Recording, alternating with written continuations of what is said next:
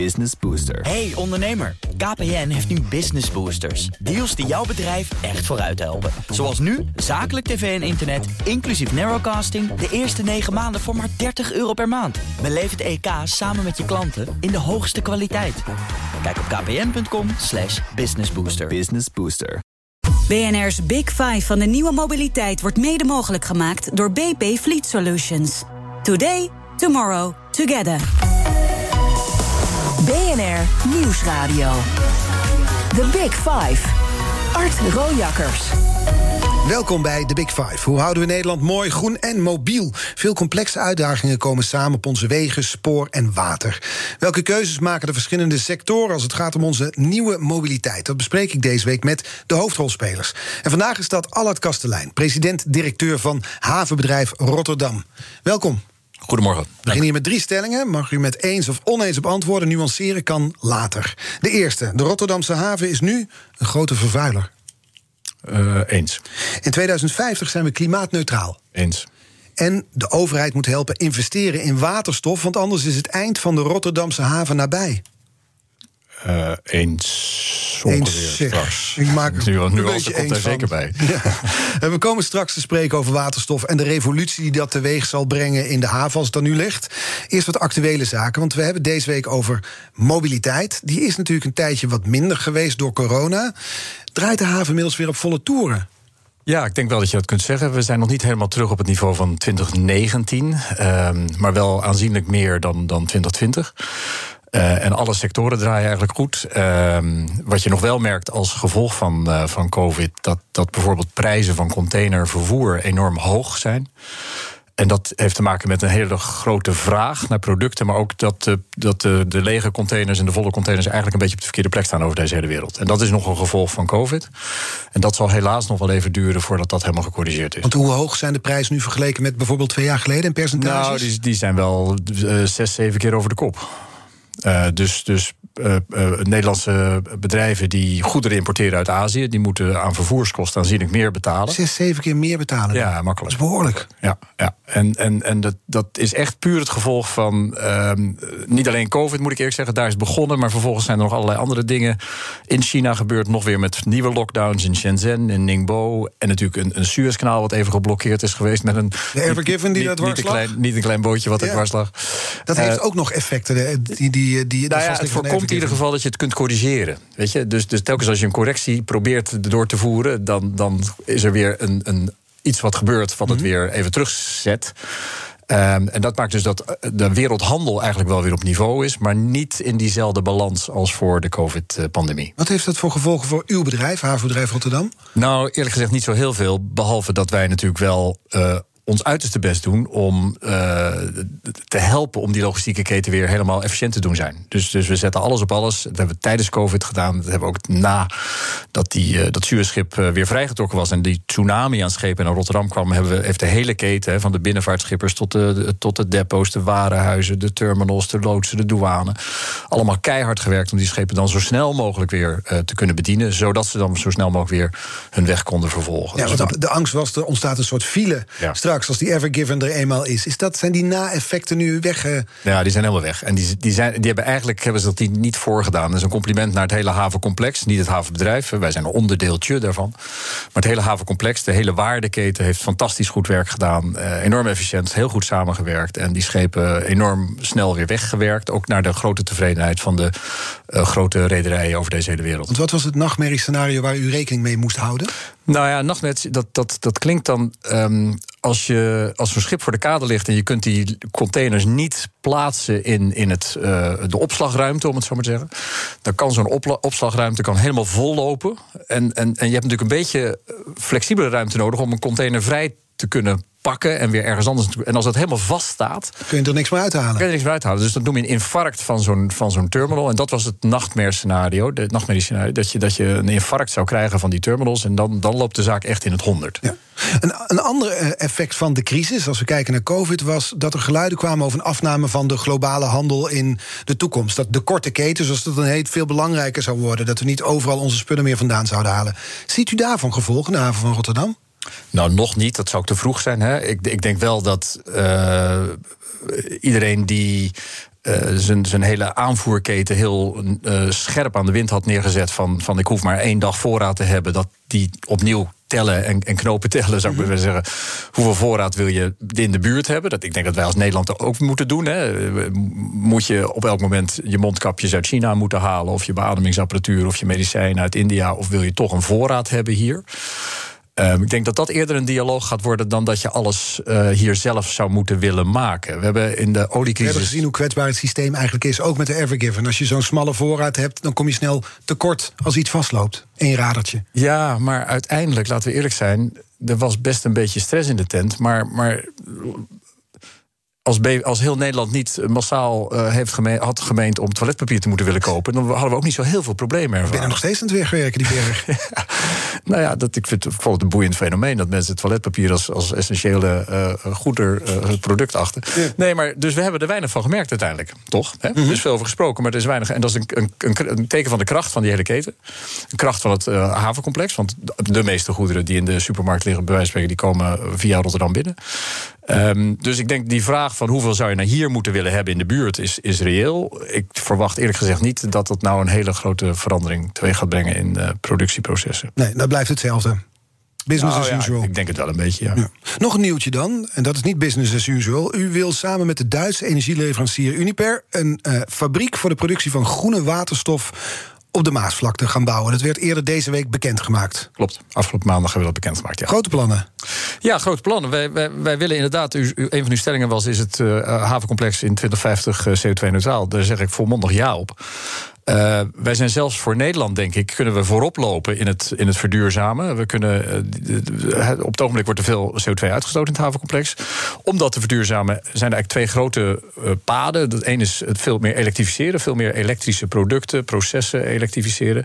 En het andere grote pilaar waarop je probeert te bouwen is waterstof, groene waterstof. Daar wil ik straks met u op ingaan, op die groene waterstof. Daar moeten we wat tijd voor nemen, ook om het duidelijk te maken aan de luisteraar wat het inhoudt en wat het allemaal gaat behelzen. Maar ik las inderdaad, en u noemt dat nu ook het jaartal 2050. Dat is het jaar waarin de haven klimaat, klimaatneutraal moet zijn. Uh, u zei bij de stelling, daar ben ik het mee eens. Dat is over 30 jaar. Ja, en wat suggereert u met de, die intonatie dat dat, dat wel niet duurt? Dat dat ver weg is. Ja, ja, ja. 30 jaar. Ja, nou ja, dat is waar. Uh, en die tijd hebben we toch niet? Nou, kijk, wat, wat wij zeggen en, en dat, dat blijf ik bevestigen, dat uh, de plannen die de wereld gemaakt heeft in Parijs die onderschrijven wij. En wij zeggen, die gaan wij uitvoeren. Dus ik ben ook zo reëel als, om te zeggen dat als uh, bijvoorbeeld het kabinet, het vorige kabinet. Uh, had gesteld 49% reductie in 2030. Het is, we hebben geen nieuw kabinet, dat, dat is duidelijk. Nee. Maar het is niet onwaarschijnlijk dat een nieuw kabinet gaat zeggen... nou, nu Brussel heeft gezegd 55% in 2030, gaan we naar 55%. Gaan wij ook naar 55%. Dus als de wereld nou uh, volgend jaar zou zeggen... ja, 2050 is te laat, het moet 2045 zijn, dan, dan schakelen we door naar 2045. Dus ik, ik, ik, het is niet dat ik 2050 bepaal. Wij volgen wat de adviezen zijn van de, de regeringen en van de, van de klimaatpanels. Ja, maar nu ga ik de clichés erbij halen. Geen woorden, maar daten. Uh, Rotterdamse daadkracht. Dan denk ik ook 30 jaar om klimaatneutraal te worden. Nou ja, dat, dat, dat klinkt fair, uh, maar dat is het niet. Um, maar ik wil even, even, even toch nuanceren. Ik heb aan het kabinet aangeboden, al in mei vorig jaar, dat wij wel 40% van de Nederlandse uitdaging in het Rotterdamse complex kunnen afleveren. Dus Rotterdam kan veel meer doen dan wat nu via de klimaattafels en akkoorden van Rotterdam wordt verwacht. Mm -hmm. Wij kunnen 40% van de totale uitdaging die Nederland heeft afleveren omdat daar grote bedrijven zitten die ook Parijs hebben onderschreven. Dat wij als bedrijf willen investeren in de noodzakelijke infrastructuur. En dat we samen met de overheid het mogelijk kunnen maken. Dus wij kunnen. Dus je kunt meer doen, maar de overheid vraagt het nog niet van u. Nee, nou ja, wij, wij doen ook meer. Ik, ik, durf, ik durf echt met hand op hart te zeggen dat 20, 30, 55 procent dat we dat gaan halen. En dat dat dan niet een, een, een moment van stoppen is en achterover gaan zitten en dan weer een tijdje niks doen of zo. Dus die lijn naar nul uitstoot, die is ingezet, die is, die is bevestigd, die is verankerd en die gaan we afleveren. En des te eerder we daar kunnen komen, des te beter het is. Ja. Het is nog niet in kan kruik, hè, die fabriek. Het is ook een soort van lobby naar Den Haag, toch? Dus hoe zorgt u ervoor dat die fabriek er ook echt komt staan in 2025? Nou ja, door goed samen te werken. Want het, het, het, de uitdaging van die energietransitie is dat niemand kan het alleen. U, u, u, kunt het niet alleen, ik kan het niet alleen, een fabriek kan het niet alleen, een bedrijf kan het niet alleen. Je zult dus met allerlei instanties moeten samenwerken. Met de overheid, met de financiers, met de fabrieken, met de klanten, met de afnemers. En omdat wij daar zo ontzettend op inzetten en daar zo ontzettend vastberaden in zijn, komt dit bedrijf, van een buitenlands bedrijf is, ook naar ons en naar Rotterdam toe. En dat is het, het, grote goed wat we proberen te creëren, omdat wij heel uh, doelbewust uh, uh, willen leiden in die transitie en, en daar het verschil willen maken, maken we Rotterdam, Nederland, aantrekkelijker voor buitenlandse bedrijven om te investeren. En als we dan ergens die energietransitie in Europa willen verwezenlijken, dan is dat wat mij betreft Rotterdam. Ja, op de Maasvlakte. Op de Maasvlakte in dit geval. Ja. Hoeveel, hoeveel kost zo'n fabriek eigenlijk? Waar moeten we aan denken? Wat voor investeringen hebben we het over? Nou, de, de, de, dat ligt aan hoe groot zo'n fabriek wordt. De, dit is, dit, uh, voor de luisteraar wellicht is een fabriek waar dan groene waterstof gemaakt wordt. En de grootte waar uh, dit bedrijf nu over praat, dat is al snel 200, 300 miljoen. En, en, en als ze nog wat groter worden, dan praat je dus uh, substantiële grotere bedragen nog eens een keer. En dat is dan alleen de fabriek. Dat is dan nog niet ehm, dat je ook nog groene elektronen moet hebben via de windparken op zee, die natuurlijk honderden miljoenen kosten. Het is ook nog niet de pijpleidingen die je moet hebben om dan die fabriek te verbinden met andere fabrieken. Dus, dus je praat over miljarden miljard, investeringen. Miljarden. Ja, ja, zeker. Dat moet van de overheid komen, toch? Nou, heel veel zal van het bedrijfsleven komen. Heel veel. Uh, sterker nog, uiteindelijk alles. Maar waar, waar de overheid voor nodig hebt, is niet om het te betalen. Um, u moet het zo zien. Je kunt nu op basis van de hoeveelheid die gemaakt wordt en gevraagd wordt, kan je een, dat kan je door een rietje persen. Maar dat is heel inefficiënt. Want morgen heb je weer een rietje nodig. En overmorgen heb je nog weer een rietje nodig. En op een gegeven moment is, moet je dus telkens opnieuw dat bouwen. Dus eigenlijk wil je nu een, een vijfbaansweg bouwen. Maar die vijfbaansweg, daar wordt nog maar over één baan gereden. Dus die overheid hebben we eigenlijk nodig om te zeggen: ja, we, zien die, we hebben die visie. Help ons nou aan de voorkant die vijfbaan aan te leggen. En, en dat langzaam maar zeker die vijfbaan vol gaan stromen. Nou, dat is waar we een overheid voor nodig hebben. The Big Five. Art Rojakkers. Deze week vijf kopstukken uit de wereld van de nieuwe mobiliteit. Met vandaag de gast Allard Kastelein, topman van havenbedrijf Rotterdam. Um, ik wil u een kettingvraag voorleggen. Gisteren was hier Marjan Rintel te gast, president-directeur van de Nederlandse Spoorwegen. Ze had deze vraag voor u. Wat ik ontzettend interessant vind, is hoe het havenbedrijf de volgende groene doorbraak gaat doen. in, in het kader van alle klimaatopgaven die we hebben. De volgende groene doorbraak. Dan komen we uit bij waterstof, denk ik. Um, ja, maar niet alleen. Want ook uh, elektrificatie, verduurzaming, circulaire economie... Um, zijn allemaal activiteiten waar wij volop inzetten. Ja. Zullen ze op de waterstof gaan inzoomen? Prima. Ja, want dat is dus. Nou, laten we eerst maar toch beginnen. Voor veel luisteraars, het klinkt een beetje. Het is een klokklepelverhaal. Wat, wat houdt het nou precies in, groene waterstof? Is dat een, nou ja, lekentaal uit te leggen? Uh, ja, hoop ik. Succes. ja, dank u. Um, waterstof zit eigenlijk overal. Het is het meest voorkomende element in onze samenleving. Waterstof zit in aardgas. Uh, voor, de, voor de scheikundigen onder ons CH4. En, en, en waterstof staat voor. De H staat voor waterstof. Mm -hmm. um, maar het zit ook in water, want H2O. Uh, dus waterstof is, is overal beschikbaar. Nu zit waterstof dus veel aan aardgas, aardolie stromen vast. En als je dan waterstof maakt, dan, dan stoot je CO2 uit. Dat, dat noemen we grijze waterstof. Groene waterstof noemen we waterstof die gemaakt is van de, uh, hernieuwbare energie. Dus energie die nul waterstof of uh, CO2 uitstoot. Dus uh, windparken, zonnepanelen. En die groene energie die gebruik je dan om water te splitsen in waterstof en zuurstof. En die waterstof kun je weer als brandstof gebruiken. En dan kan je die waterstof weer gebruiken als brandstof. Je kan die waterstof gebruiken als grondstof. Dus in een chemisch proces. Dat je producten gaat maken waar de koolstofatoom niet meer in zit, dus niet uitstoot. Je kan waterstof gebruiken voor zware transportdoeleinden. Uh, je kunt waterstof gebruiken om waar nu je huishoudverwarming uh, op aardgas draait, om op waterstof te gaan draaien. Dus waterstof heeft heel veel toepassingen in de energietransitie. Ja, en het is groen als het tenminste op die manier zoals u net beschrijft, dus gewonnen wordt. Ja, ja. dan is het groen. Uh, als het dus gemaakt wordt uit aardgas, is het grijs. Als je het maakt uit aardgas en de CO2 die vrijkomt dan afvangt en opslaat, dan noemen we het weer blauw. Als je het maakt uit kernenergie, is het paars. Ja. En zo zullen we ongetwijfeld nog wat kleuren van de regenboog, de regenboog uit, ja. de revue kunnen laten passeren. En wat heeft havenbedrijf Rotterdam eigenlijk van doen met waterstof? Nou wij zijn een hele grote energiehaven. 13% van alle Europese energie, dus die we gebruiken in onze samenleving, in de verwarming, in het transport en noem het allemaal op, komt binnen via Rotterdam. Dus wij zijn een grote energiehaven.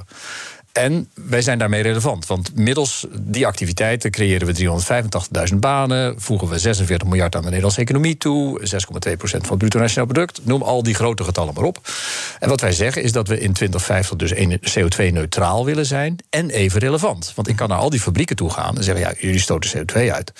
Wanneer doe je de lichten uit? Wanneer stop je ermee? En dan, dan vernietig je dus werkgelegenheid, je vernietigt investering, kenniskunde, research, development, alle aanverwante diensten, van de broodjes smeren tot de tuinman. Dus wij zeggen tegen die fabrieken, ik zeg tegen die eigenaren, die bazen van die fabrieken, hoe kan ik jou helpen die transitie te maken? En nou, al die fabrieken kunnen draaien op waterstof? Die kunnen, in, technisch kan het eigenlijk. En, en sommige fabrieken zullen op elektriciteit gaan draaien, want je kunt ook meer elektrificeren. Andere fabrieken zullen circulair gaan werken, dat ze grondstoffen gaan hergebruiken en dat, dat je het dus niet uh, gaat verbranden of in de atmosfeer uitstoot. En andere fabrieken kunnen op waterstof gaan draaien. Ja. Dat is het grote idee. En, en, nu is het nog zo dat in de Rotterdamse haven, ik denk dat dat draait voor het grootste deel op fossiele energie, toch? Klopt. Ja. Hoeveel, weet u eigenlijk hoeveel CO2-uitstoot dat geeft op het Nederlandse totaal? Uh, laatst gemeten 2020 13% van het Nederlands totaal. Ja, dat zag ik ook. 13,5% Een paar jaar geleden was het nog 16% Dus de, de lijn naar beneden is ingezet. Maar het is ongelooflijk veel, 13,5% op een heel land. Dus van alle autokilometers die we afleggen, alle huishoudens, alle fabrieken in het land, is dus nou ja, 13% is door jullie. Uh, door, ja, door, ja. ja jullie? Ja, door mij. Nee, nee Persoonlijk? Dat, uh, nee, dat klopt. En het is natuurlijk ook een, dat zeg ik net, het is een heel groot industrieel complex hè, met 385.000 banen die eraan vastzitten. Dus, mm -hmm. dus ja, het is een hele grote bedrijvigheid. Um, Boeren stoten 14% uit en die rijden om de havenklap met de tractoren naar het, uh, naar het Malieveld. Ja, ik denk dat ze dat niet hebben meegemeten. Dat, wat ze mee... De, de route naar het Malieveld zit, zit er vast niet bij. Dan zou het wat meer zijn bedoeld. Ja. maar we letten daar allemaal op, daarom haal ik ze erbij. Er wordt nu gesproken over gedwongen onteigeningen. Er wordt, de focus ligt op, nu op de landbouw. Terwijl ze stoten net zoveel uit eigenlijk als de Rotterdamse haven. Ja, dat, maar het zijn twee verschillende, of meerdere verschillende onderwerpen door elkaar. Vrees ik haast een beetje. En dat maakt het ook zo complex. Waar het met de boeren nu gaat, is het stikstofprobleem. Exact. Ja. En, je, en, we en de haven, over CO2. En de haven stoot 1% aan stikstof uit. Mm -hmm. En de boeren 46%. Ja. Dus dat is even het grote verschil. De stikstofprobleem hebben we. We hebben diverse klimaatproblemen mm. met elkaar. Uh, stikstof uh, hebben we nodig, ruimte, om nieuwe fabrieken te kunnen bouwen die duurzaam zijn. Bijvoorbeeld, ja. Maar de industrie in Rotterdam stoot maar 1, of de industrie in Nederland stoot maar 1% van het totale stikstof uit. Mm -hmm. 46 is landbouw, uh, 32 is uh, buitenland en dan is 16% is wonen en verkeer en dergelijke. Dus die industrie is in stikstof niet het probleem. Nee. Maar het is dit, de CO2-uitstoot is het probleem, die 13,5 procent. Ja, die moet naar beneden. Ja. En dat is dus iets uh, wat ook te maken heeft met imago. We hoorden net in het nieuws hoorden Tata Steel voorbij komen. Werd jarenlang gezien als de motor, een van de motoren van onze industrie. En nu zijn het die grote vervuilers daar. Zo worden ze gezien, in ieder geval. Ja. Plotseling een kanteling gekomen in het beeld van Tata Steel. Bent u daar wel eens bang voor bij het havenbedrijf?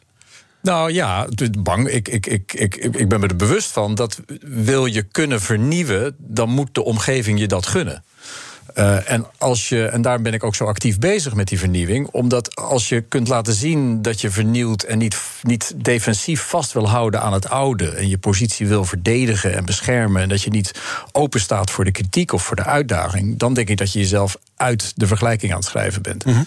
Wat wij proberen te doen, echt heel actief, is, is leidende rol te vervullen in de verduurzaming. En ook wereldwijd leidend te zijn daarin. En houdt u zo'n dossier als Tata Steel dan in de gaten om te kijken hoe het daar gaat en wat, wat daarvan te leren is?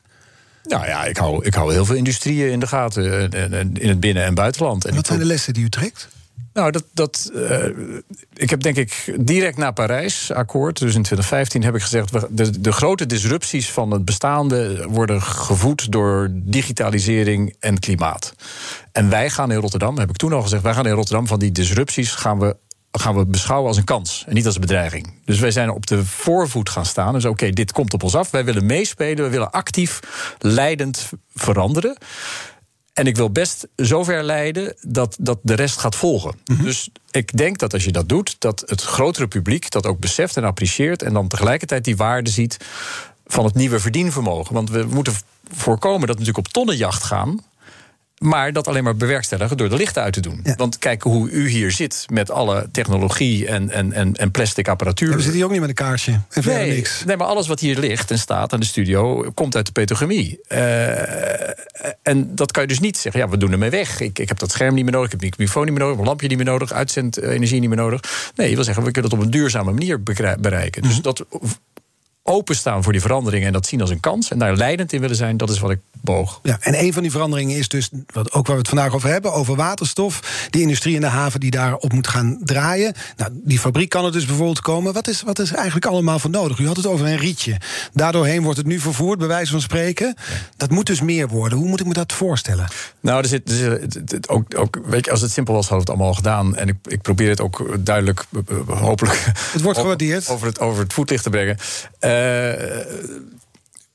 vervuiling moet beprijsd worden. Dus nu wordt de grijze waterstof gemaakt. Hè, die vieze waterstof uit, uh, uit die uh, olie en dergelijke. Die wordt nu gemaakt. En even prijs, uh, 1,80 euro kost dat. Per mhm. kilo dan. Nou, dan moet je ervoor zorgen als overheid... dat je de vervuiling beprijst. Zodat die 1,80 euro hoger wordt.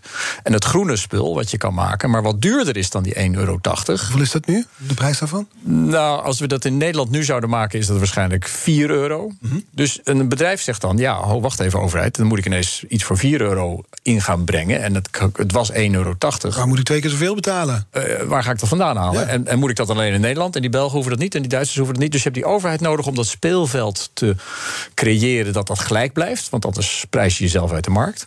Nou, dan hebben we dus ook de samenwerking nodig om dan infrastructuur aan te willen leggen die, die vijfbaans weg is, die naar de toekomst toe uh, gericht is. En dan kan je uh, die twee partijen bij elkaar gaan brengen. Ja. Hoe zit u eigenlijk naar die formatie te kijken dan? Want ik hoor nu een paar keer voorbij komen de rol die de overheid eigenlijk op zich zou moeten nemen. We zijn nu met andere dingen bezig daar in Den Haag. Ja, dat is ook. Um, die, die, constatering heb ik ook. ik dacht, er kwam nu een kwalificatie, maar daar bent u te beleefd voor.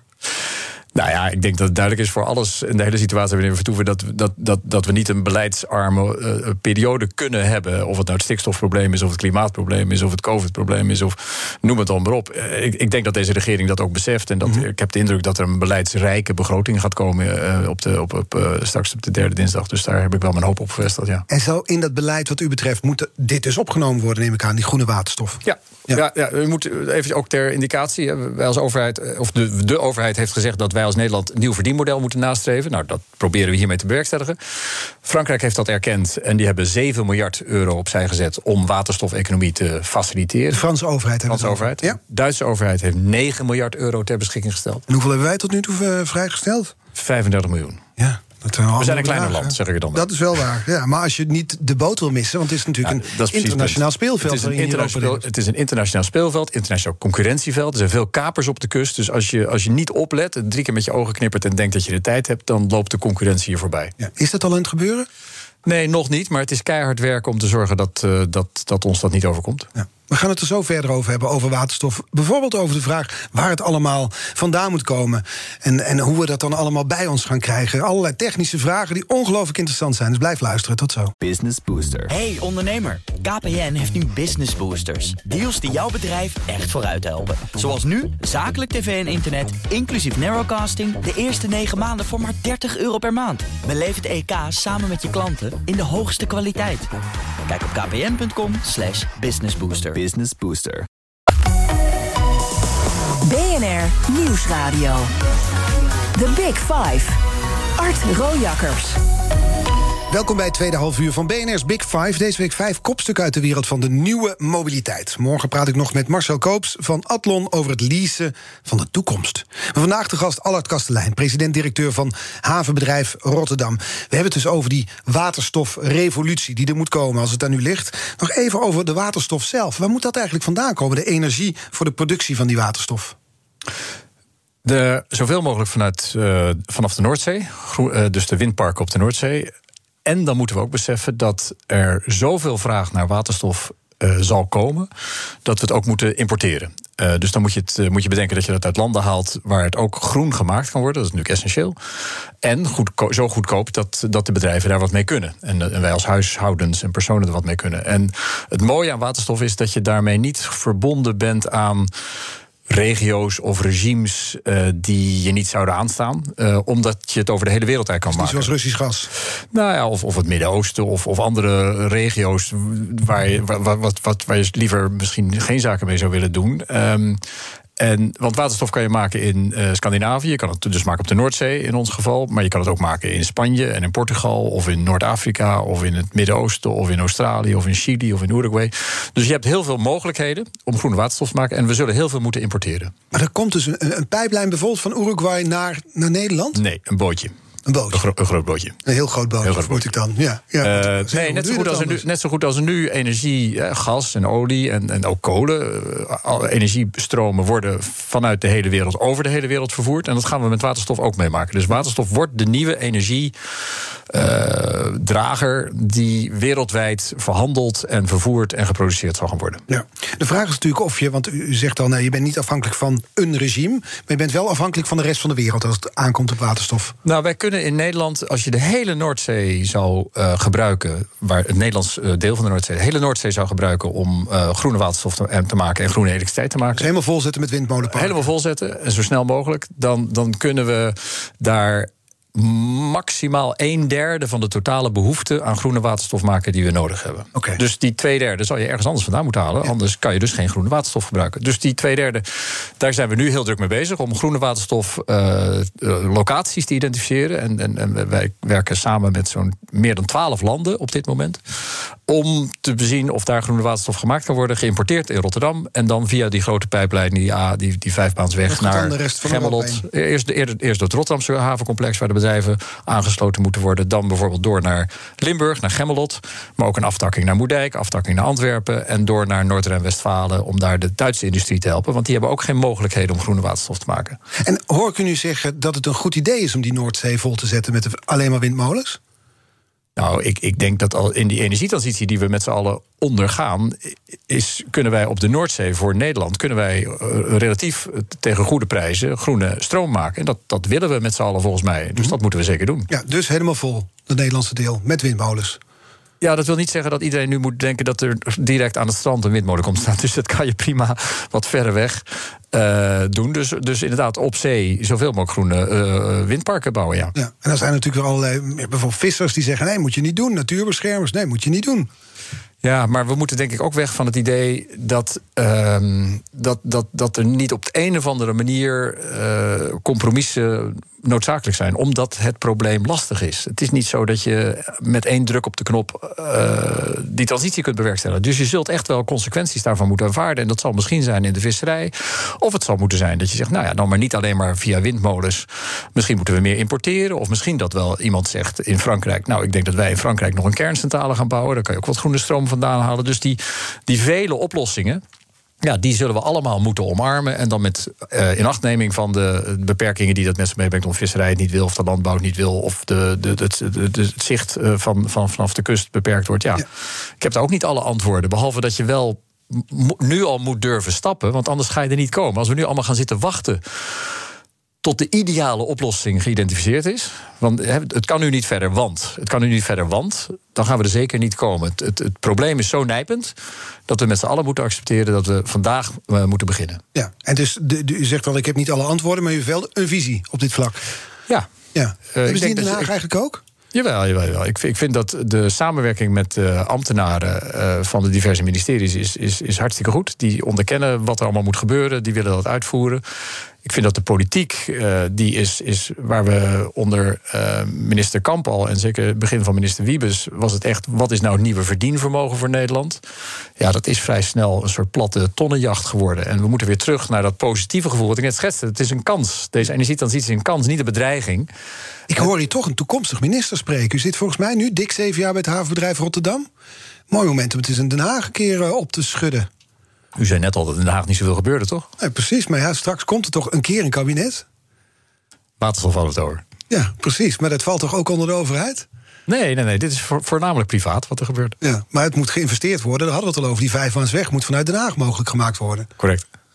De antwoorden worden heel kort. Nou nee, ik heb geen enkele ambitie op dat vlak. Ik ben bezig met die energietransitie. Vind ik hartstikke leuk en ontzettend belangrijk. En veel contact in Den Haag? Ja, maar eerlijk gezegd meer met de ambtenaren in Den Haag... die, die, die, die ook de lastige dossiers onderkennen... en met ons samenwerken om, om, om, om tot de goede oplossingen te komen. Ja, maar die moeten ook wachten op de politiek. Ja, maar wilt u nu ook dat ik alle politieke problemen... Ik vind die energietransitie al moeilijk genoeg. ja, dat snap ik. Maar juist daarom, als straks die politieke problemen zijn opgelost... en er is een kabinet, dan hoor ik iemand met een visie op dit terrein spreken. Ja, nou goed, dat, dat, dat, is niet waar ik hiervoor ben. Ik heb het graag over de energietransitie en het havencomplex... en daar doe ik ernstig mijn best voor. Oké, nou, zullen we dan maar weer terug naartoe gaan dan? Dan worden de antwoorden ook weer wat langer, hopelijk. Ja. Die, die waterstof, die dus daar in de haven nou ja, een verschil moet gaan maken... Dit is, dat is nu nog allemaal een visie. Het is nog een visionair beeld. Concreet gezien kunnen we daar nog niets van merken, toch? Nee, dat is niet waar. Omdat um, uh, ik heb hele goede hoop. Dus, zoals bijvoorbeeld die plannen die we afgelopen maandag hebben aangekondigd. ten aanzien van die uh, intentie om die, om die fabriek te bouwen. Zullen er dit jaar nog. Uh, bevestiging komen van concrete investeringen, projecten die we gaan in gang zetten. Dus waar, waar nu ingenieurs aan het, aan het tekenen zijn, waar vergunningen aangevraagd worden, waar materialen besteld gaan worden om ook al die waterstofeconomie mogelijk te maken. Ja, want er is, is er eigenlijk een alternatief. Als dit niet, als dit niet doorgaat, deze revolutie. Nou, dan wordt het wel ongelooflijk moeilijk, omdat het al zo moeilijk is. Kijk, eh, je, kunt niet zeggen: ik wil geen waterstof, ik wil geen wind op zee, ik wil geen kernenergie en ik wil geen, geen vervuiling in de atmosfeer. Dat, het, het kan niet allemaal tegelijk. Je, je moet dus ergens zeggen: ik accepteer iets. Ik accepteer een windpark op zee, of ik accepteer een kerncentrale bij mijn buren in, een, eh, in een buurland, of ik accepteer waterstof. Je moet wel dus keuzes maken. En, en dat zeg ik al, we moeten beginnen. Wat, wat heel belangrijk is om te beseffen voor ons allemaal, denk ik, is dat, dat CO2 in de atmosfeer is als water in een badkuip. En op het moment dat die badkuip overgestroomd is, eh, of aan het overstromen dan ben je te laat. En, en we moeten zorgen dat we nu die badkuip niet meer opvullen. Dus we moeten beginnen met die stappen maken. We zijn dus op die transportsector niet alleen met waterstof bezig, maar we zijn ook met het elektrificeren bezig van de binnenvaartschepen. We hebben mhm. afgelopen maandag de eerste... het eerste schip gelanceerd. Precies. Dat is, daar zitten wij in. Dat overstonden die batterijcontainers op die Ever Given die in het Suezkanaal vast lag, helaas. Anders waren we een paar maanden geleden al begonnen. Maar dat is het eerste schip wat nu een, een volle accu-container aan boord neemt, elektrisch kan varen van mhm. uh, de Heinekenbrouwerij naar de Maasvlakte.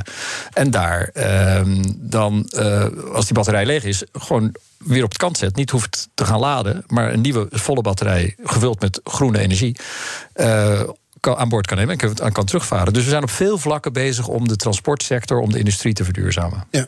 En dat moet dus ook wel, want we hadden het al over die aantallen. Dus de bedragen: 7 miljard Frankrijk, 9 miljard in Duitsland wordt geïnvesteerd. In Nederland zitten we op 35 miljoen. Is dat nog te overbruggen? Nou, als, als, als, als, als we snel zijn, wel. Uh, en, uh, Wat betekent snel zijn? Wie moet er snel zijn? Nou, de, de, de plannen die dus nu uitgewerkt worden, bijvoorbeeld om die grote vijfbaansweg aan te leggen, daar moet de overheid nu van zeggen: uh, wij doen mee. We zien dat het wat onze rol is. En we zien wat het rol is van de privébedrijven, de private bedrijfsleven, van ons als havenbedrijf. Dus wij zijn partner. Uh, dat doet de overheid ook, uh, want ze werken ook mee. Wij zijn projectleider, maar het ministerie van Infrastructuur en Waterwegen werkt mee, Economische Zaken werkt mee. Maar meewerken en daadwerkelijk omzetten in, in regelgeving, financiering is, is, is de uitdaging. Ja, hoe loopt de lobby op dit moment? Nou, dit, dit is, we zijn met dit project in uitwerking. Dus, dus die dialoog over uh, uh, wat moet nou in die wet en regelgeving komen, is, is volgaande. En dat is lastig in een demissionair kabinet. Ja. Dat is gewoon lastig. Ik zeg niet dat het slecht gaat, maar het is gewoon lastig omdat, er, omdat het heel lang duurt voordat je witte rook krijgt. Ja. Het, er is natuurlijk een, breed gedeelde frustratie in de maatschappij over het feit dat het zo lang duurt in Den Haag. Maar op dit soort grote dossiers is het meer dan frustratie, maar houdt het ook daadwerkelijk ontwikkelingen tegen? Nou, wat er nu nog niet op uh, dit dossier van waterstof, wat wel al dingen tegenhoudt, is stikstof, waar we het net even over hadden. Weet je, er zijn 35 projecten die investeringen van 7, 8 miljard vergen, waar we 10 miljoen ton CO2 uit de lucht kunnen halen, maar die door stikstof dreigen uh, onderuit gehaald te worden. En we zijn al, er zijn al bedrijven vertrokken, of die komen niet naar Rotterdam of naar Nederland, omdat wij die stikstofruimte niet hebben. Dus de stikstof in passen die al meer dan 2,5 jaar duurt. Uh, doet ons pijn. Doet, mm doet, Nederland pijn. Doet niet alleen het havenbedrijf pijn, doet Nederland pijn. En ik, ik heb vaker gezegd, en ik zeg het weer, dat probleem moet opgelost worden. Ja. Uh, en, en we hebben de luxe niet om te denken dat in de tijd het wel weggaat, of dat er niet een concurrentiestrijd aan de gang is, of dat fabrieken niet een alternatief hebben. Ja. Dan ben ik toch benieuwd ja, hoe u dat kwalificeert in Den Haag. Dat dat inzicht wat u nu schetst, dat dat er blijkbaar niet is of niet voldoende is. Nou, zo kwalificeer ik het dat, dat, dat het niet voldoende is. Dus ik geef, ze daar een on- ik geef de politiek daar een onvoldoende voor. Ja. Dat is ook, ja, maar ik kan daar verder ook niet heel emotioneel voor worden. Het is gewoon een constatering. Zei de nuchtere Rotterdammer. Ja. Zometeen praat ik verder met Allard Kastelein, president-directeur van havenbedrijf Rotterdam. Eerst naar Kees Dorrestein. Zometeen om 11 uur, wat is het over een kwartiertje, ga je BNR breken. Ja, dan- BNR niet, je gaat BNR break doen en je gaat iets breken. Ja, PNR breken. Zo, ik moet nog wat overlaten voor zaken zijn. doen Ja, daarna. precies. hè? Ja.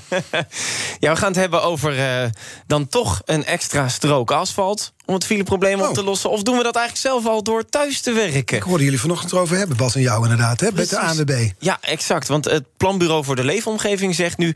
ja, kijk, eh, als we gewoon thuis blijven werken, ook na corona... hebben we helemaal geen extra asfalt nodig. Joh, dan lost dat fileprobleem zich grotendeels op. 8% meer thuiswerken betekent de helft minder files in de spits. En zeggen dan ook, ja, je legt die asfaltstroken leg je vooral voor de spits eigenlijk aan. Niet voor eh, daaromheen. Daarom het breekijzer. Thuiswerken heeft het fileprobleem opgelost. Dus we moeten stoppen met asfalteren. Wat Zou- denk je? Nou, zou dit dan zo'n uitspraak zijn waar we over drie jaar met weemoed aan terugdenken? Weet je nog, die tijd dat we dachten dat het fileprobleem achter ons lag? En dat we dan eh, denken inderdaad dat Rijnsweert nu helemaal plat geasfalteerd is. Weet je nog dat er bomen stonden? Ja, precies. Leuk, ja. Zijn het ook weer bomen? Misschien vragen we dat. Ja, Precies.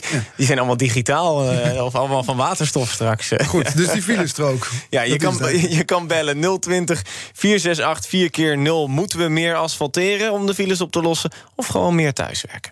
Dankjewel, Kees. BNR Nieuwsradio. The Big Five.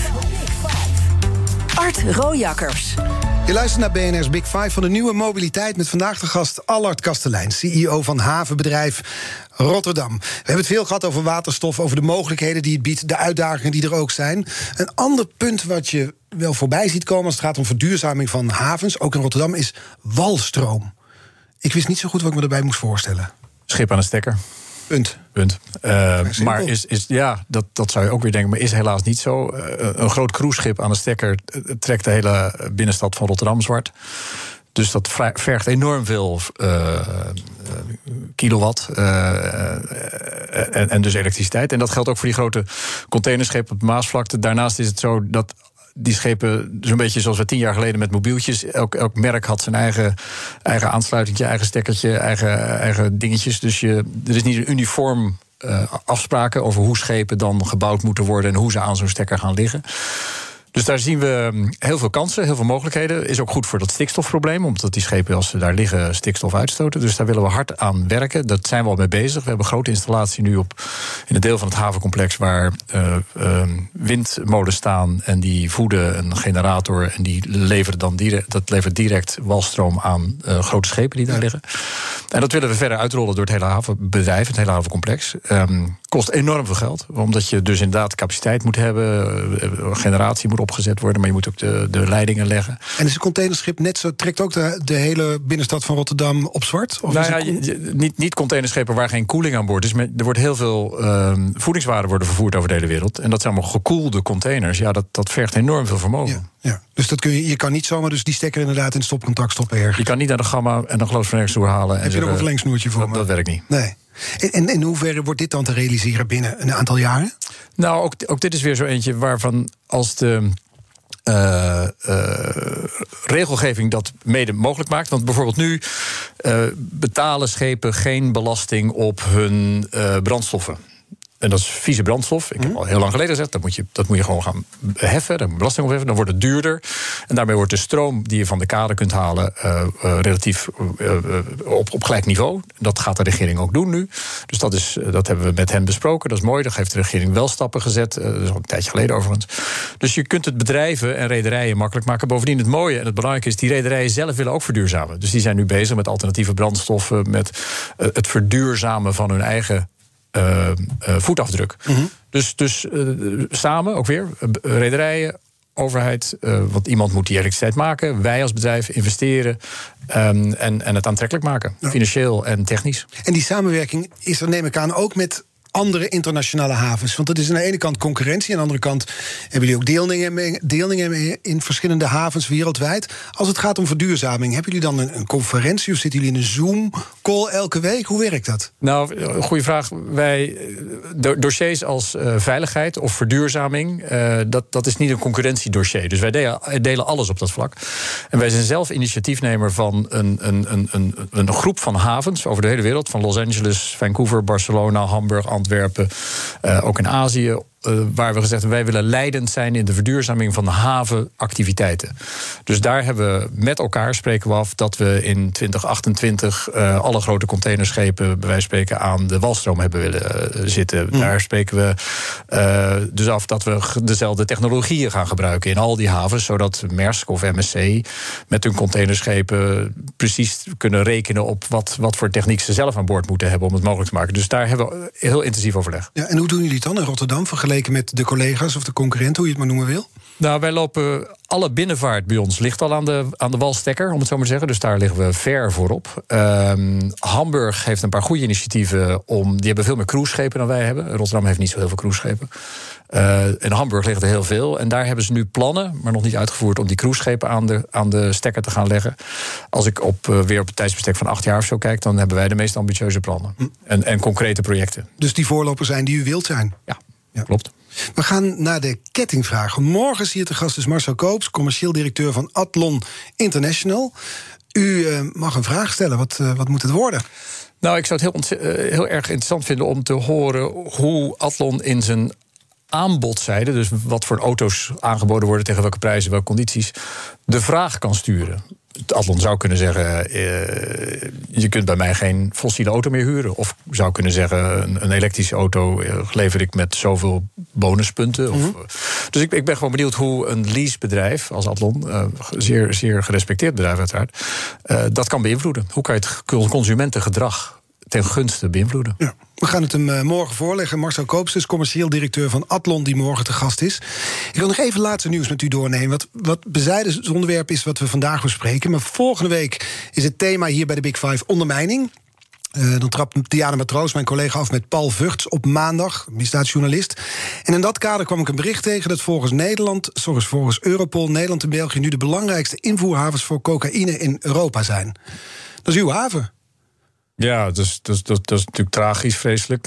Ik ben daar zeer ook wel mee bezig. Dat wij de, de, belangrijkste zijn, is niet zo heel gek, omdat wij veruit de grootste haven van Europa zijn. Ja, het was altijd Spanje en Portugal, maar het epicentrum, zegt Europol, is verschoven naar Noord-Europa. Ja, onze, onze cijfers, en die zeg ik niet omdat dat ons wat vrijpleit, maar is dat, dat 60% waarschijnlijk via Antwerpen binnenkomt, en, en 30 via Rotterdam en 10 via Hamburg of iets dergelijks. Mm -hmm. Maar niemand weet natuurlijk de exacte getallen. Maar die ondermijning is, is, is, is uh, natuurlijk een, een, een enorm probleem voor onze maatschappij. Ja. Uh, en ook daar zijn we weer allemaal bij. Weet je, iedereen kan met de vinger wijzen. Maar ik vind het altijd frappant dat dan uh, op maandagochtend, bij wijze van spreken, in het riool van de Zuidas de hoogste hoeveelheid cocaïne gevonden wordt. Dus ja, we houden het ook met heel veel mensen in stand. Ja, dat is natuurlijk zo. En tegelijkertijd citeer ik nu Europol. De rol van Nederland als draaischijf voor cocaïnehandel is verstevigd. Ja, nou ja, de, de, de hele drugscriminaliteit is waanzinnig professioneel. Uh, ongelooflijk moeilijk uh, te adresseren. We, we, hebben veel dialoog met collega's in Antwerpen. Dus ook daar weer, dat delen we die informatie. Wat gebeurt er?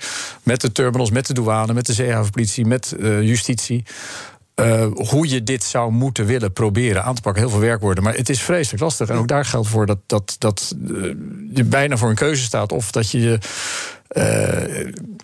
beschouwt en beseft dat zij Champions League spelen en wij waarschijnlijk eerste divisie. Um, dus wat ga je dan doen om van de eerste divisie naar de Champions League te komen? En dat is op alle vlakken. Je hele professionaliteit, je hele aanvliegroute met de digitalisering, met de informatievoorziening, met de menskracht, met de opsporingsbevoegdheid, met de waardeketens, uh, de financiële stromen. Dat hele palet, waar natuurlijk heel erg hard gewerkt wordt door heel veel mensen die ontzettend goed. Maar wat maakt dan dat het eerste divisie is versus Champions League? Nou, ik, ik denk, ik, bedoel, ik denk dat die criminele organisaties, dat zijn een soort multinationals. Die zitten in, in, in Peru of in Chili of ze zitten in Ecuador. En ze maken het daar. En ze verschepen het via een zelfgebouwde onderzeeboot. En ze brengen het binnen. En hier hebben ze een uithaler in het havencomplex rondlopen. En die brengt het weer naar het distributiecentrum. En die zorgt weer dat er mannetjes zijn die het op straat mm. verkopen. Dat is dus die hele waardeketen. En dat doen ze over heel veel landen. Dat zijn dus multinationals. Ja, die, die kun je dus niet lokaal of op een heel klein deeltje aanpakken. En ik zeg niet dat we dat nu doen, want ik ben niet de expert. En ik pretendeer dat ook helemaal niet. Ehm, maar ik denk wel dat we als samenleving moeten beseffen dat dit, dat dit is Champions League uh, in, in, in, in ondermijnend dus moet je op die manier ook bestrijden. En dan moet je willen spelen Champions League om het te bestrijden. Ja. Vorig jaar 40 ton cocaïne onderschept in de haven Rotterdam. Straatwaarde van 3,5 miljard euro ruim. Hoeveel procent van de tijd bent u bezig met dit probleem? Nou, dat, dat klinkt gek. Dat, dat is beperkt omdat wij formeel als bedrijf ook geen rol hebben. Het is wat ik net zei: het is douane, het zijn de terminals, het is politie, het is justitie. Wij hebben geen rol. We hebben geen, ik, ik, ik, ik mag niet op die terreinen komen. Ik mag niet een schip openen om te vragen wat erin zit. Dus wij hebben een beperkte rol. Uiteraard overleg ik met justitie, met politie, met poli douane. wat wij kunnen doen. Dus bijvoorbeeld als wij camera's ophangen door het havencomplex, dat doen we. -hmm. Uh, maar ik, wij mogen de data niet uitlezen. Dus er moet iemand zitten aan de andere kant die de data dan uitleest. Hé, hey, er gebeurt iets en dan iemand weer naartoe sturen. Dus wij we zijn onderdeel van, maar... Dat moet dus anders georganiseerd worden. Wil je naar die Champions League gaan? Nou, uh, ja, nogmaals, ik wil niet pretenderen dat ik expert ben. Maar, maar dat besef dat dit echt een heel groot probleem is... met heel veel geld, ja, dan moet je dat ook met die kwaliteit middelen bestrijden. Ja. Het zorgt ook voor vervuiling, hè, drugsproductie. Dus de bestrijding daarvan is ook weer verduurzaming, moeten we maar denken. Zo is dat. En zo zijn we weer terug bij het thema van vandaag. Dank voor de komst vandaag. Allard Kastelein, president-directeur van havenbedrijf Rotterdam... met grootste plannen op het gebied van waterstof. Een fabriek in 2025. Gaat hij er komen? Zeker weten? Ja. Oké, okay. houden we u aan, hè? dat weet u. Prima. Ja. Dank voor de komst. Alle afleveringen van BNR's Big Five zijn natuurlijk terug te luisteren. Onze podcast is te vinden in de BNR-app en ook op onze site bnr.nl. Nu op deze zender Kees Dorrestein met BNR Breekt. En hij gaat het hebben over meer of minder asfalt. Tot morgen. BNR's Big Five van de nieuwe mobiliteit wordt mede mogelijk gemaakt door BP Fleet Solutions. Today, tomorrow, together. Business Booster. Hey ondernemer, KPN heeft nu Business Boosters. Deals die jouw bedrijf echt vooruit helpen. Zoals nu, zakelijk tv en internet, inclusief narrowcasting... de eerste 9 maanden voor maar 30 euro per maand. Beleef het EK samen met je klanten in de hoogste kwaliteit. Kijk op kpn.com slash businessbooster. Business Booster.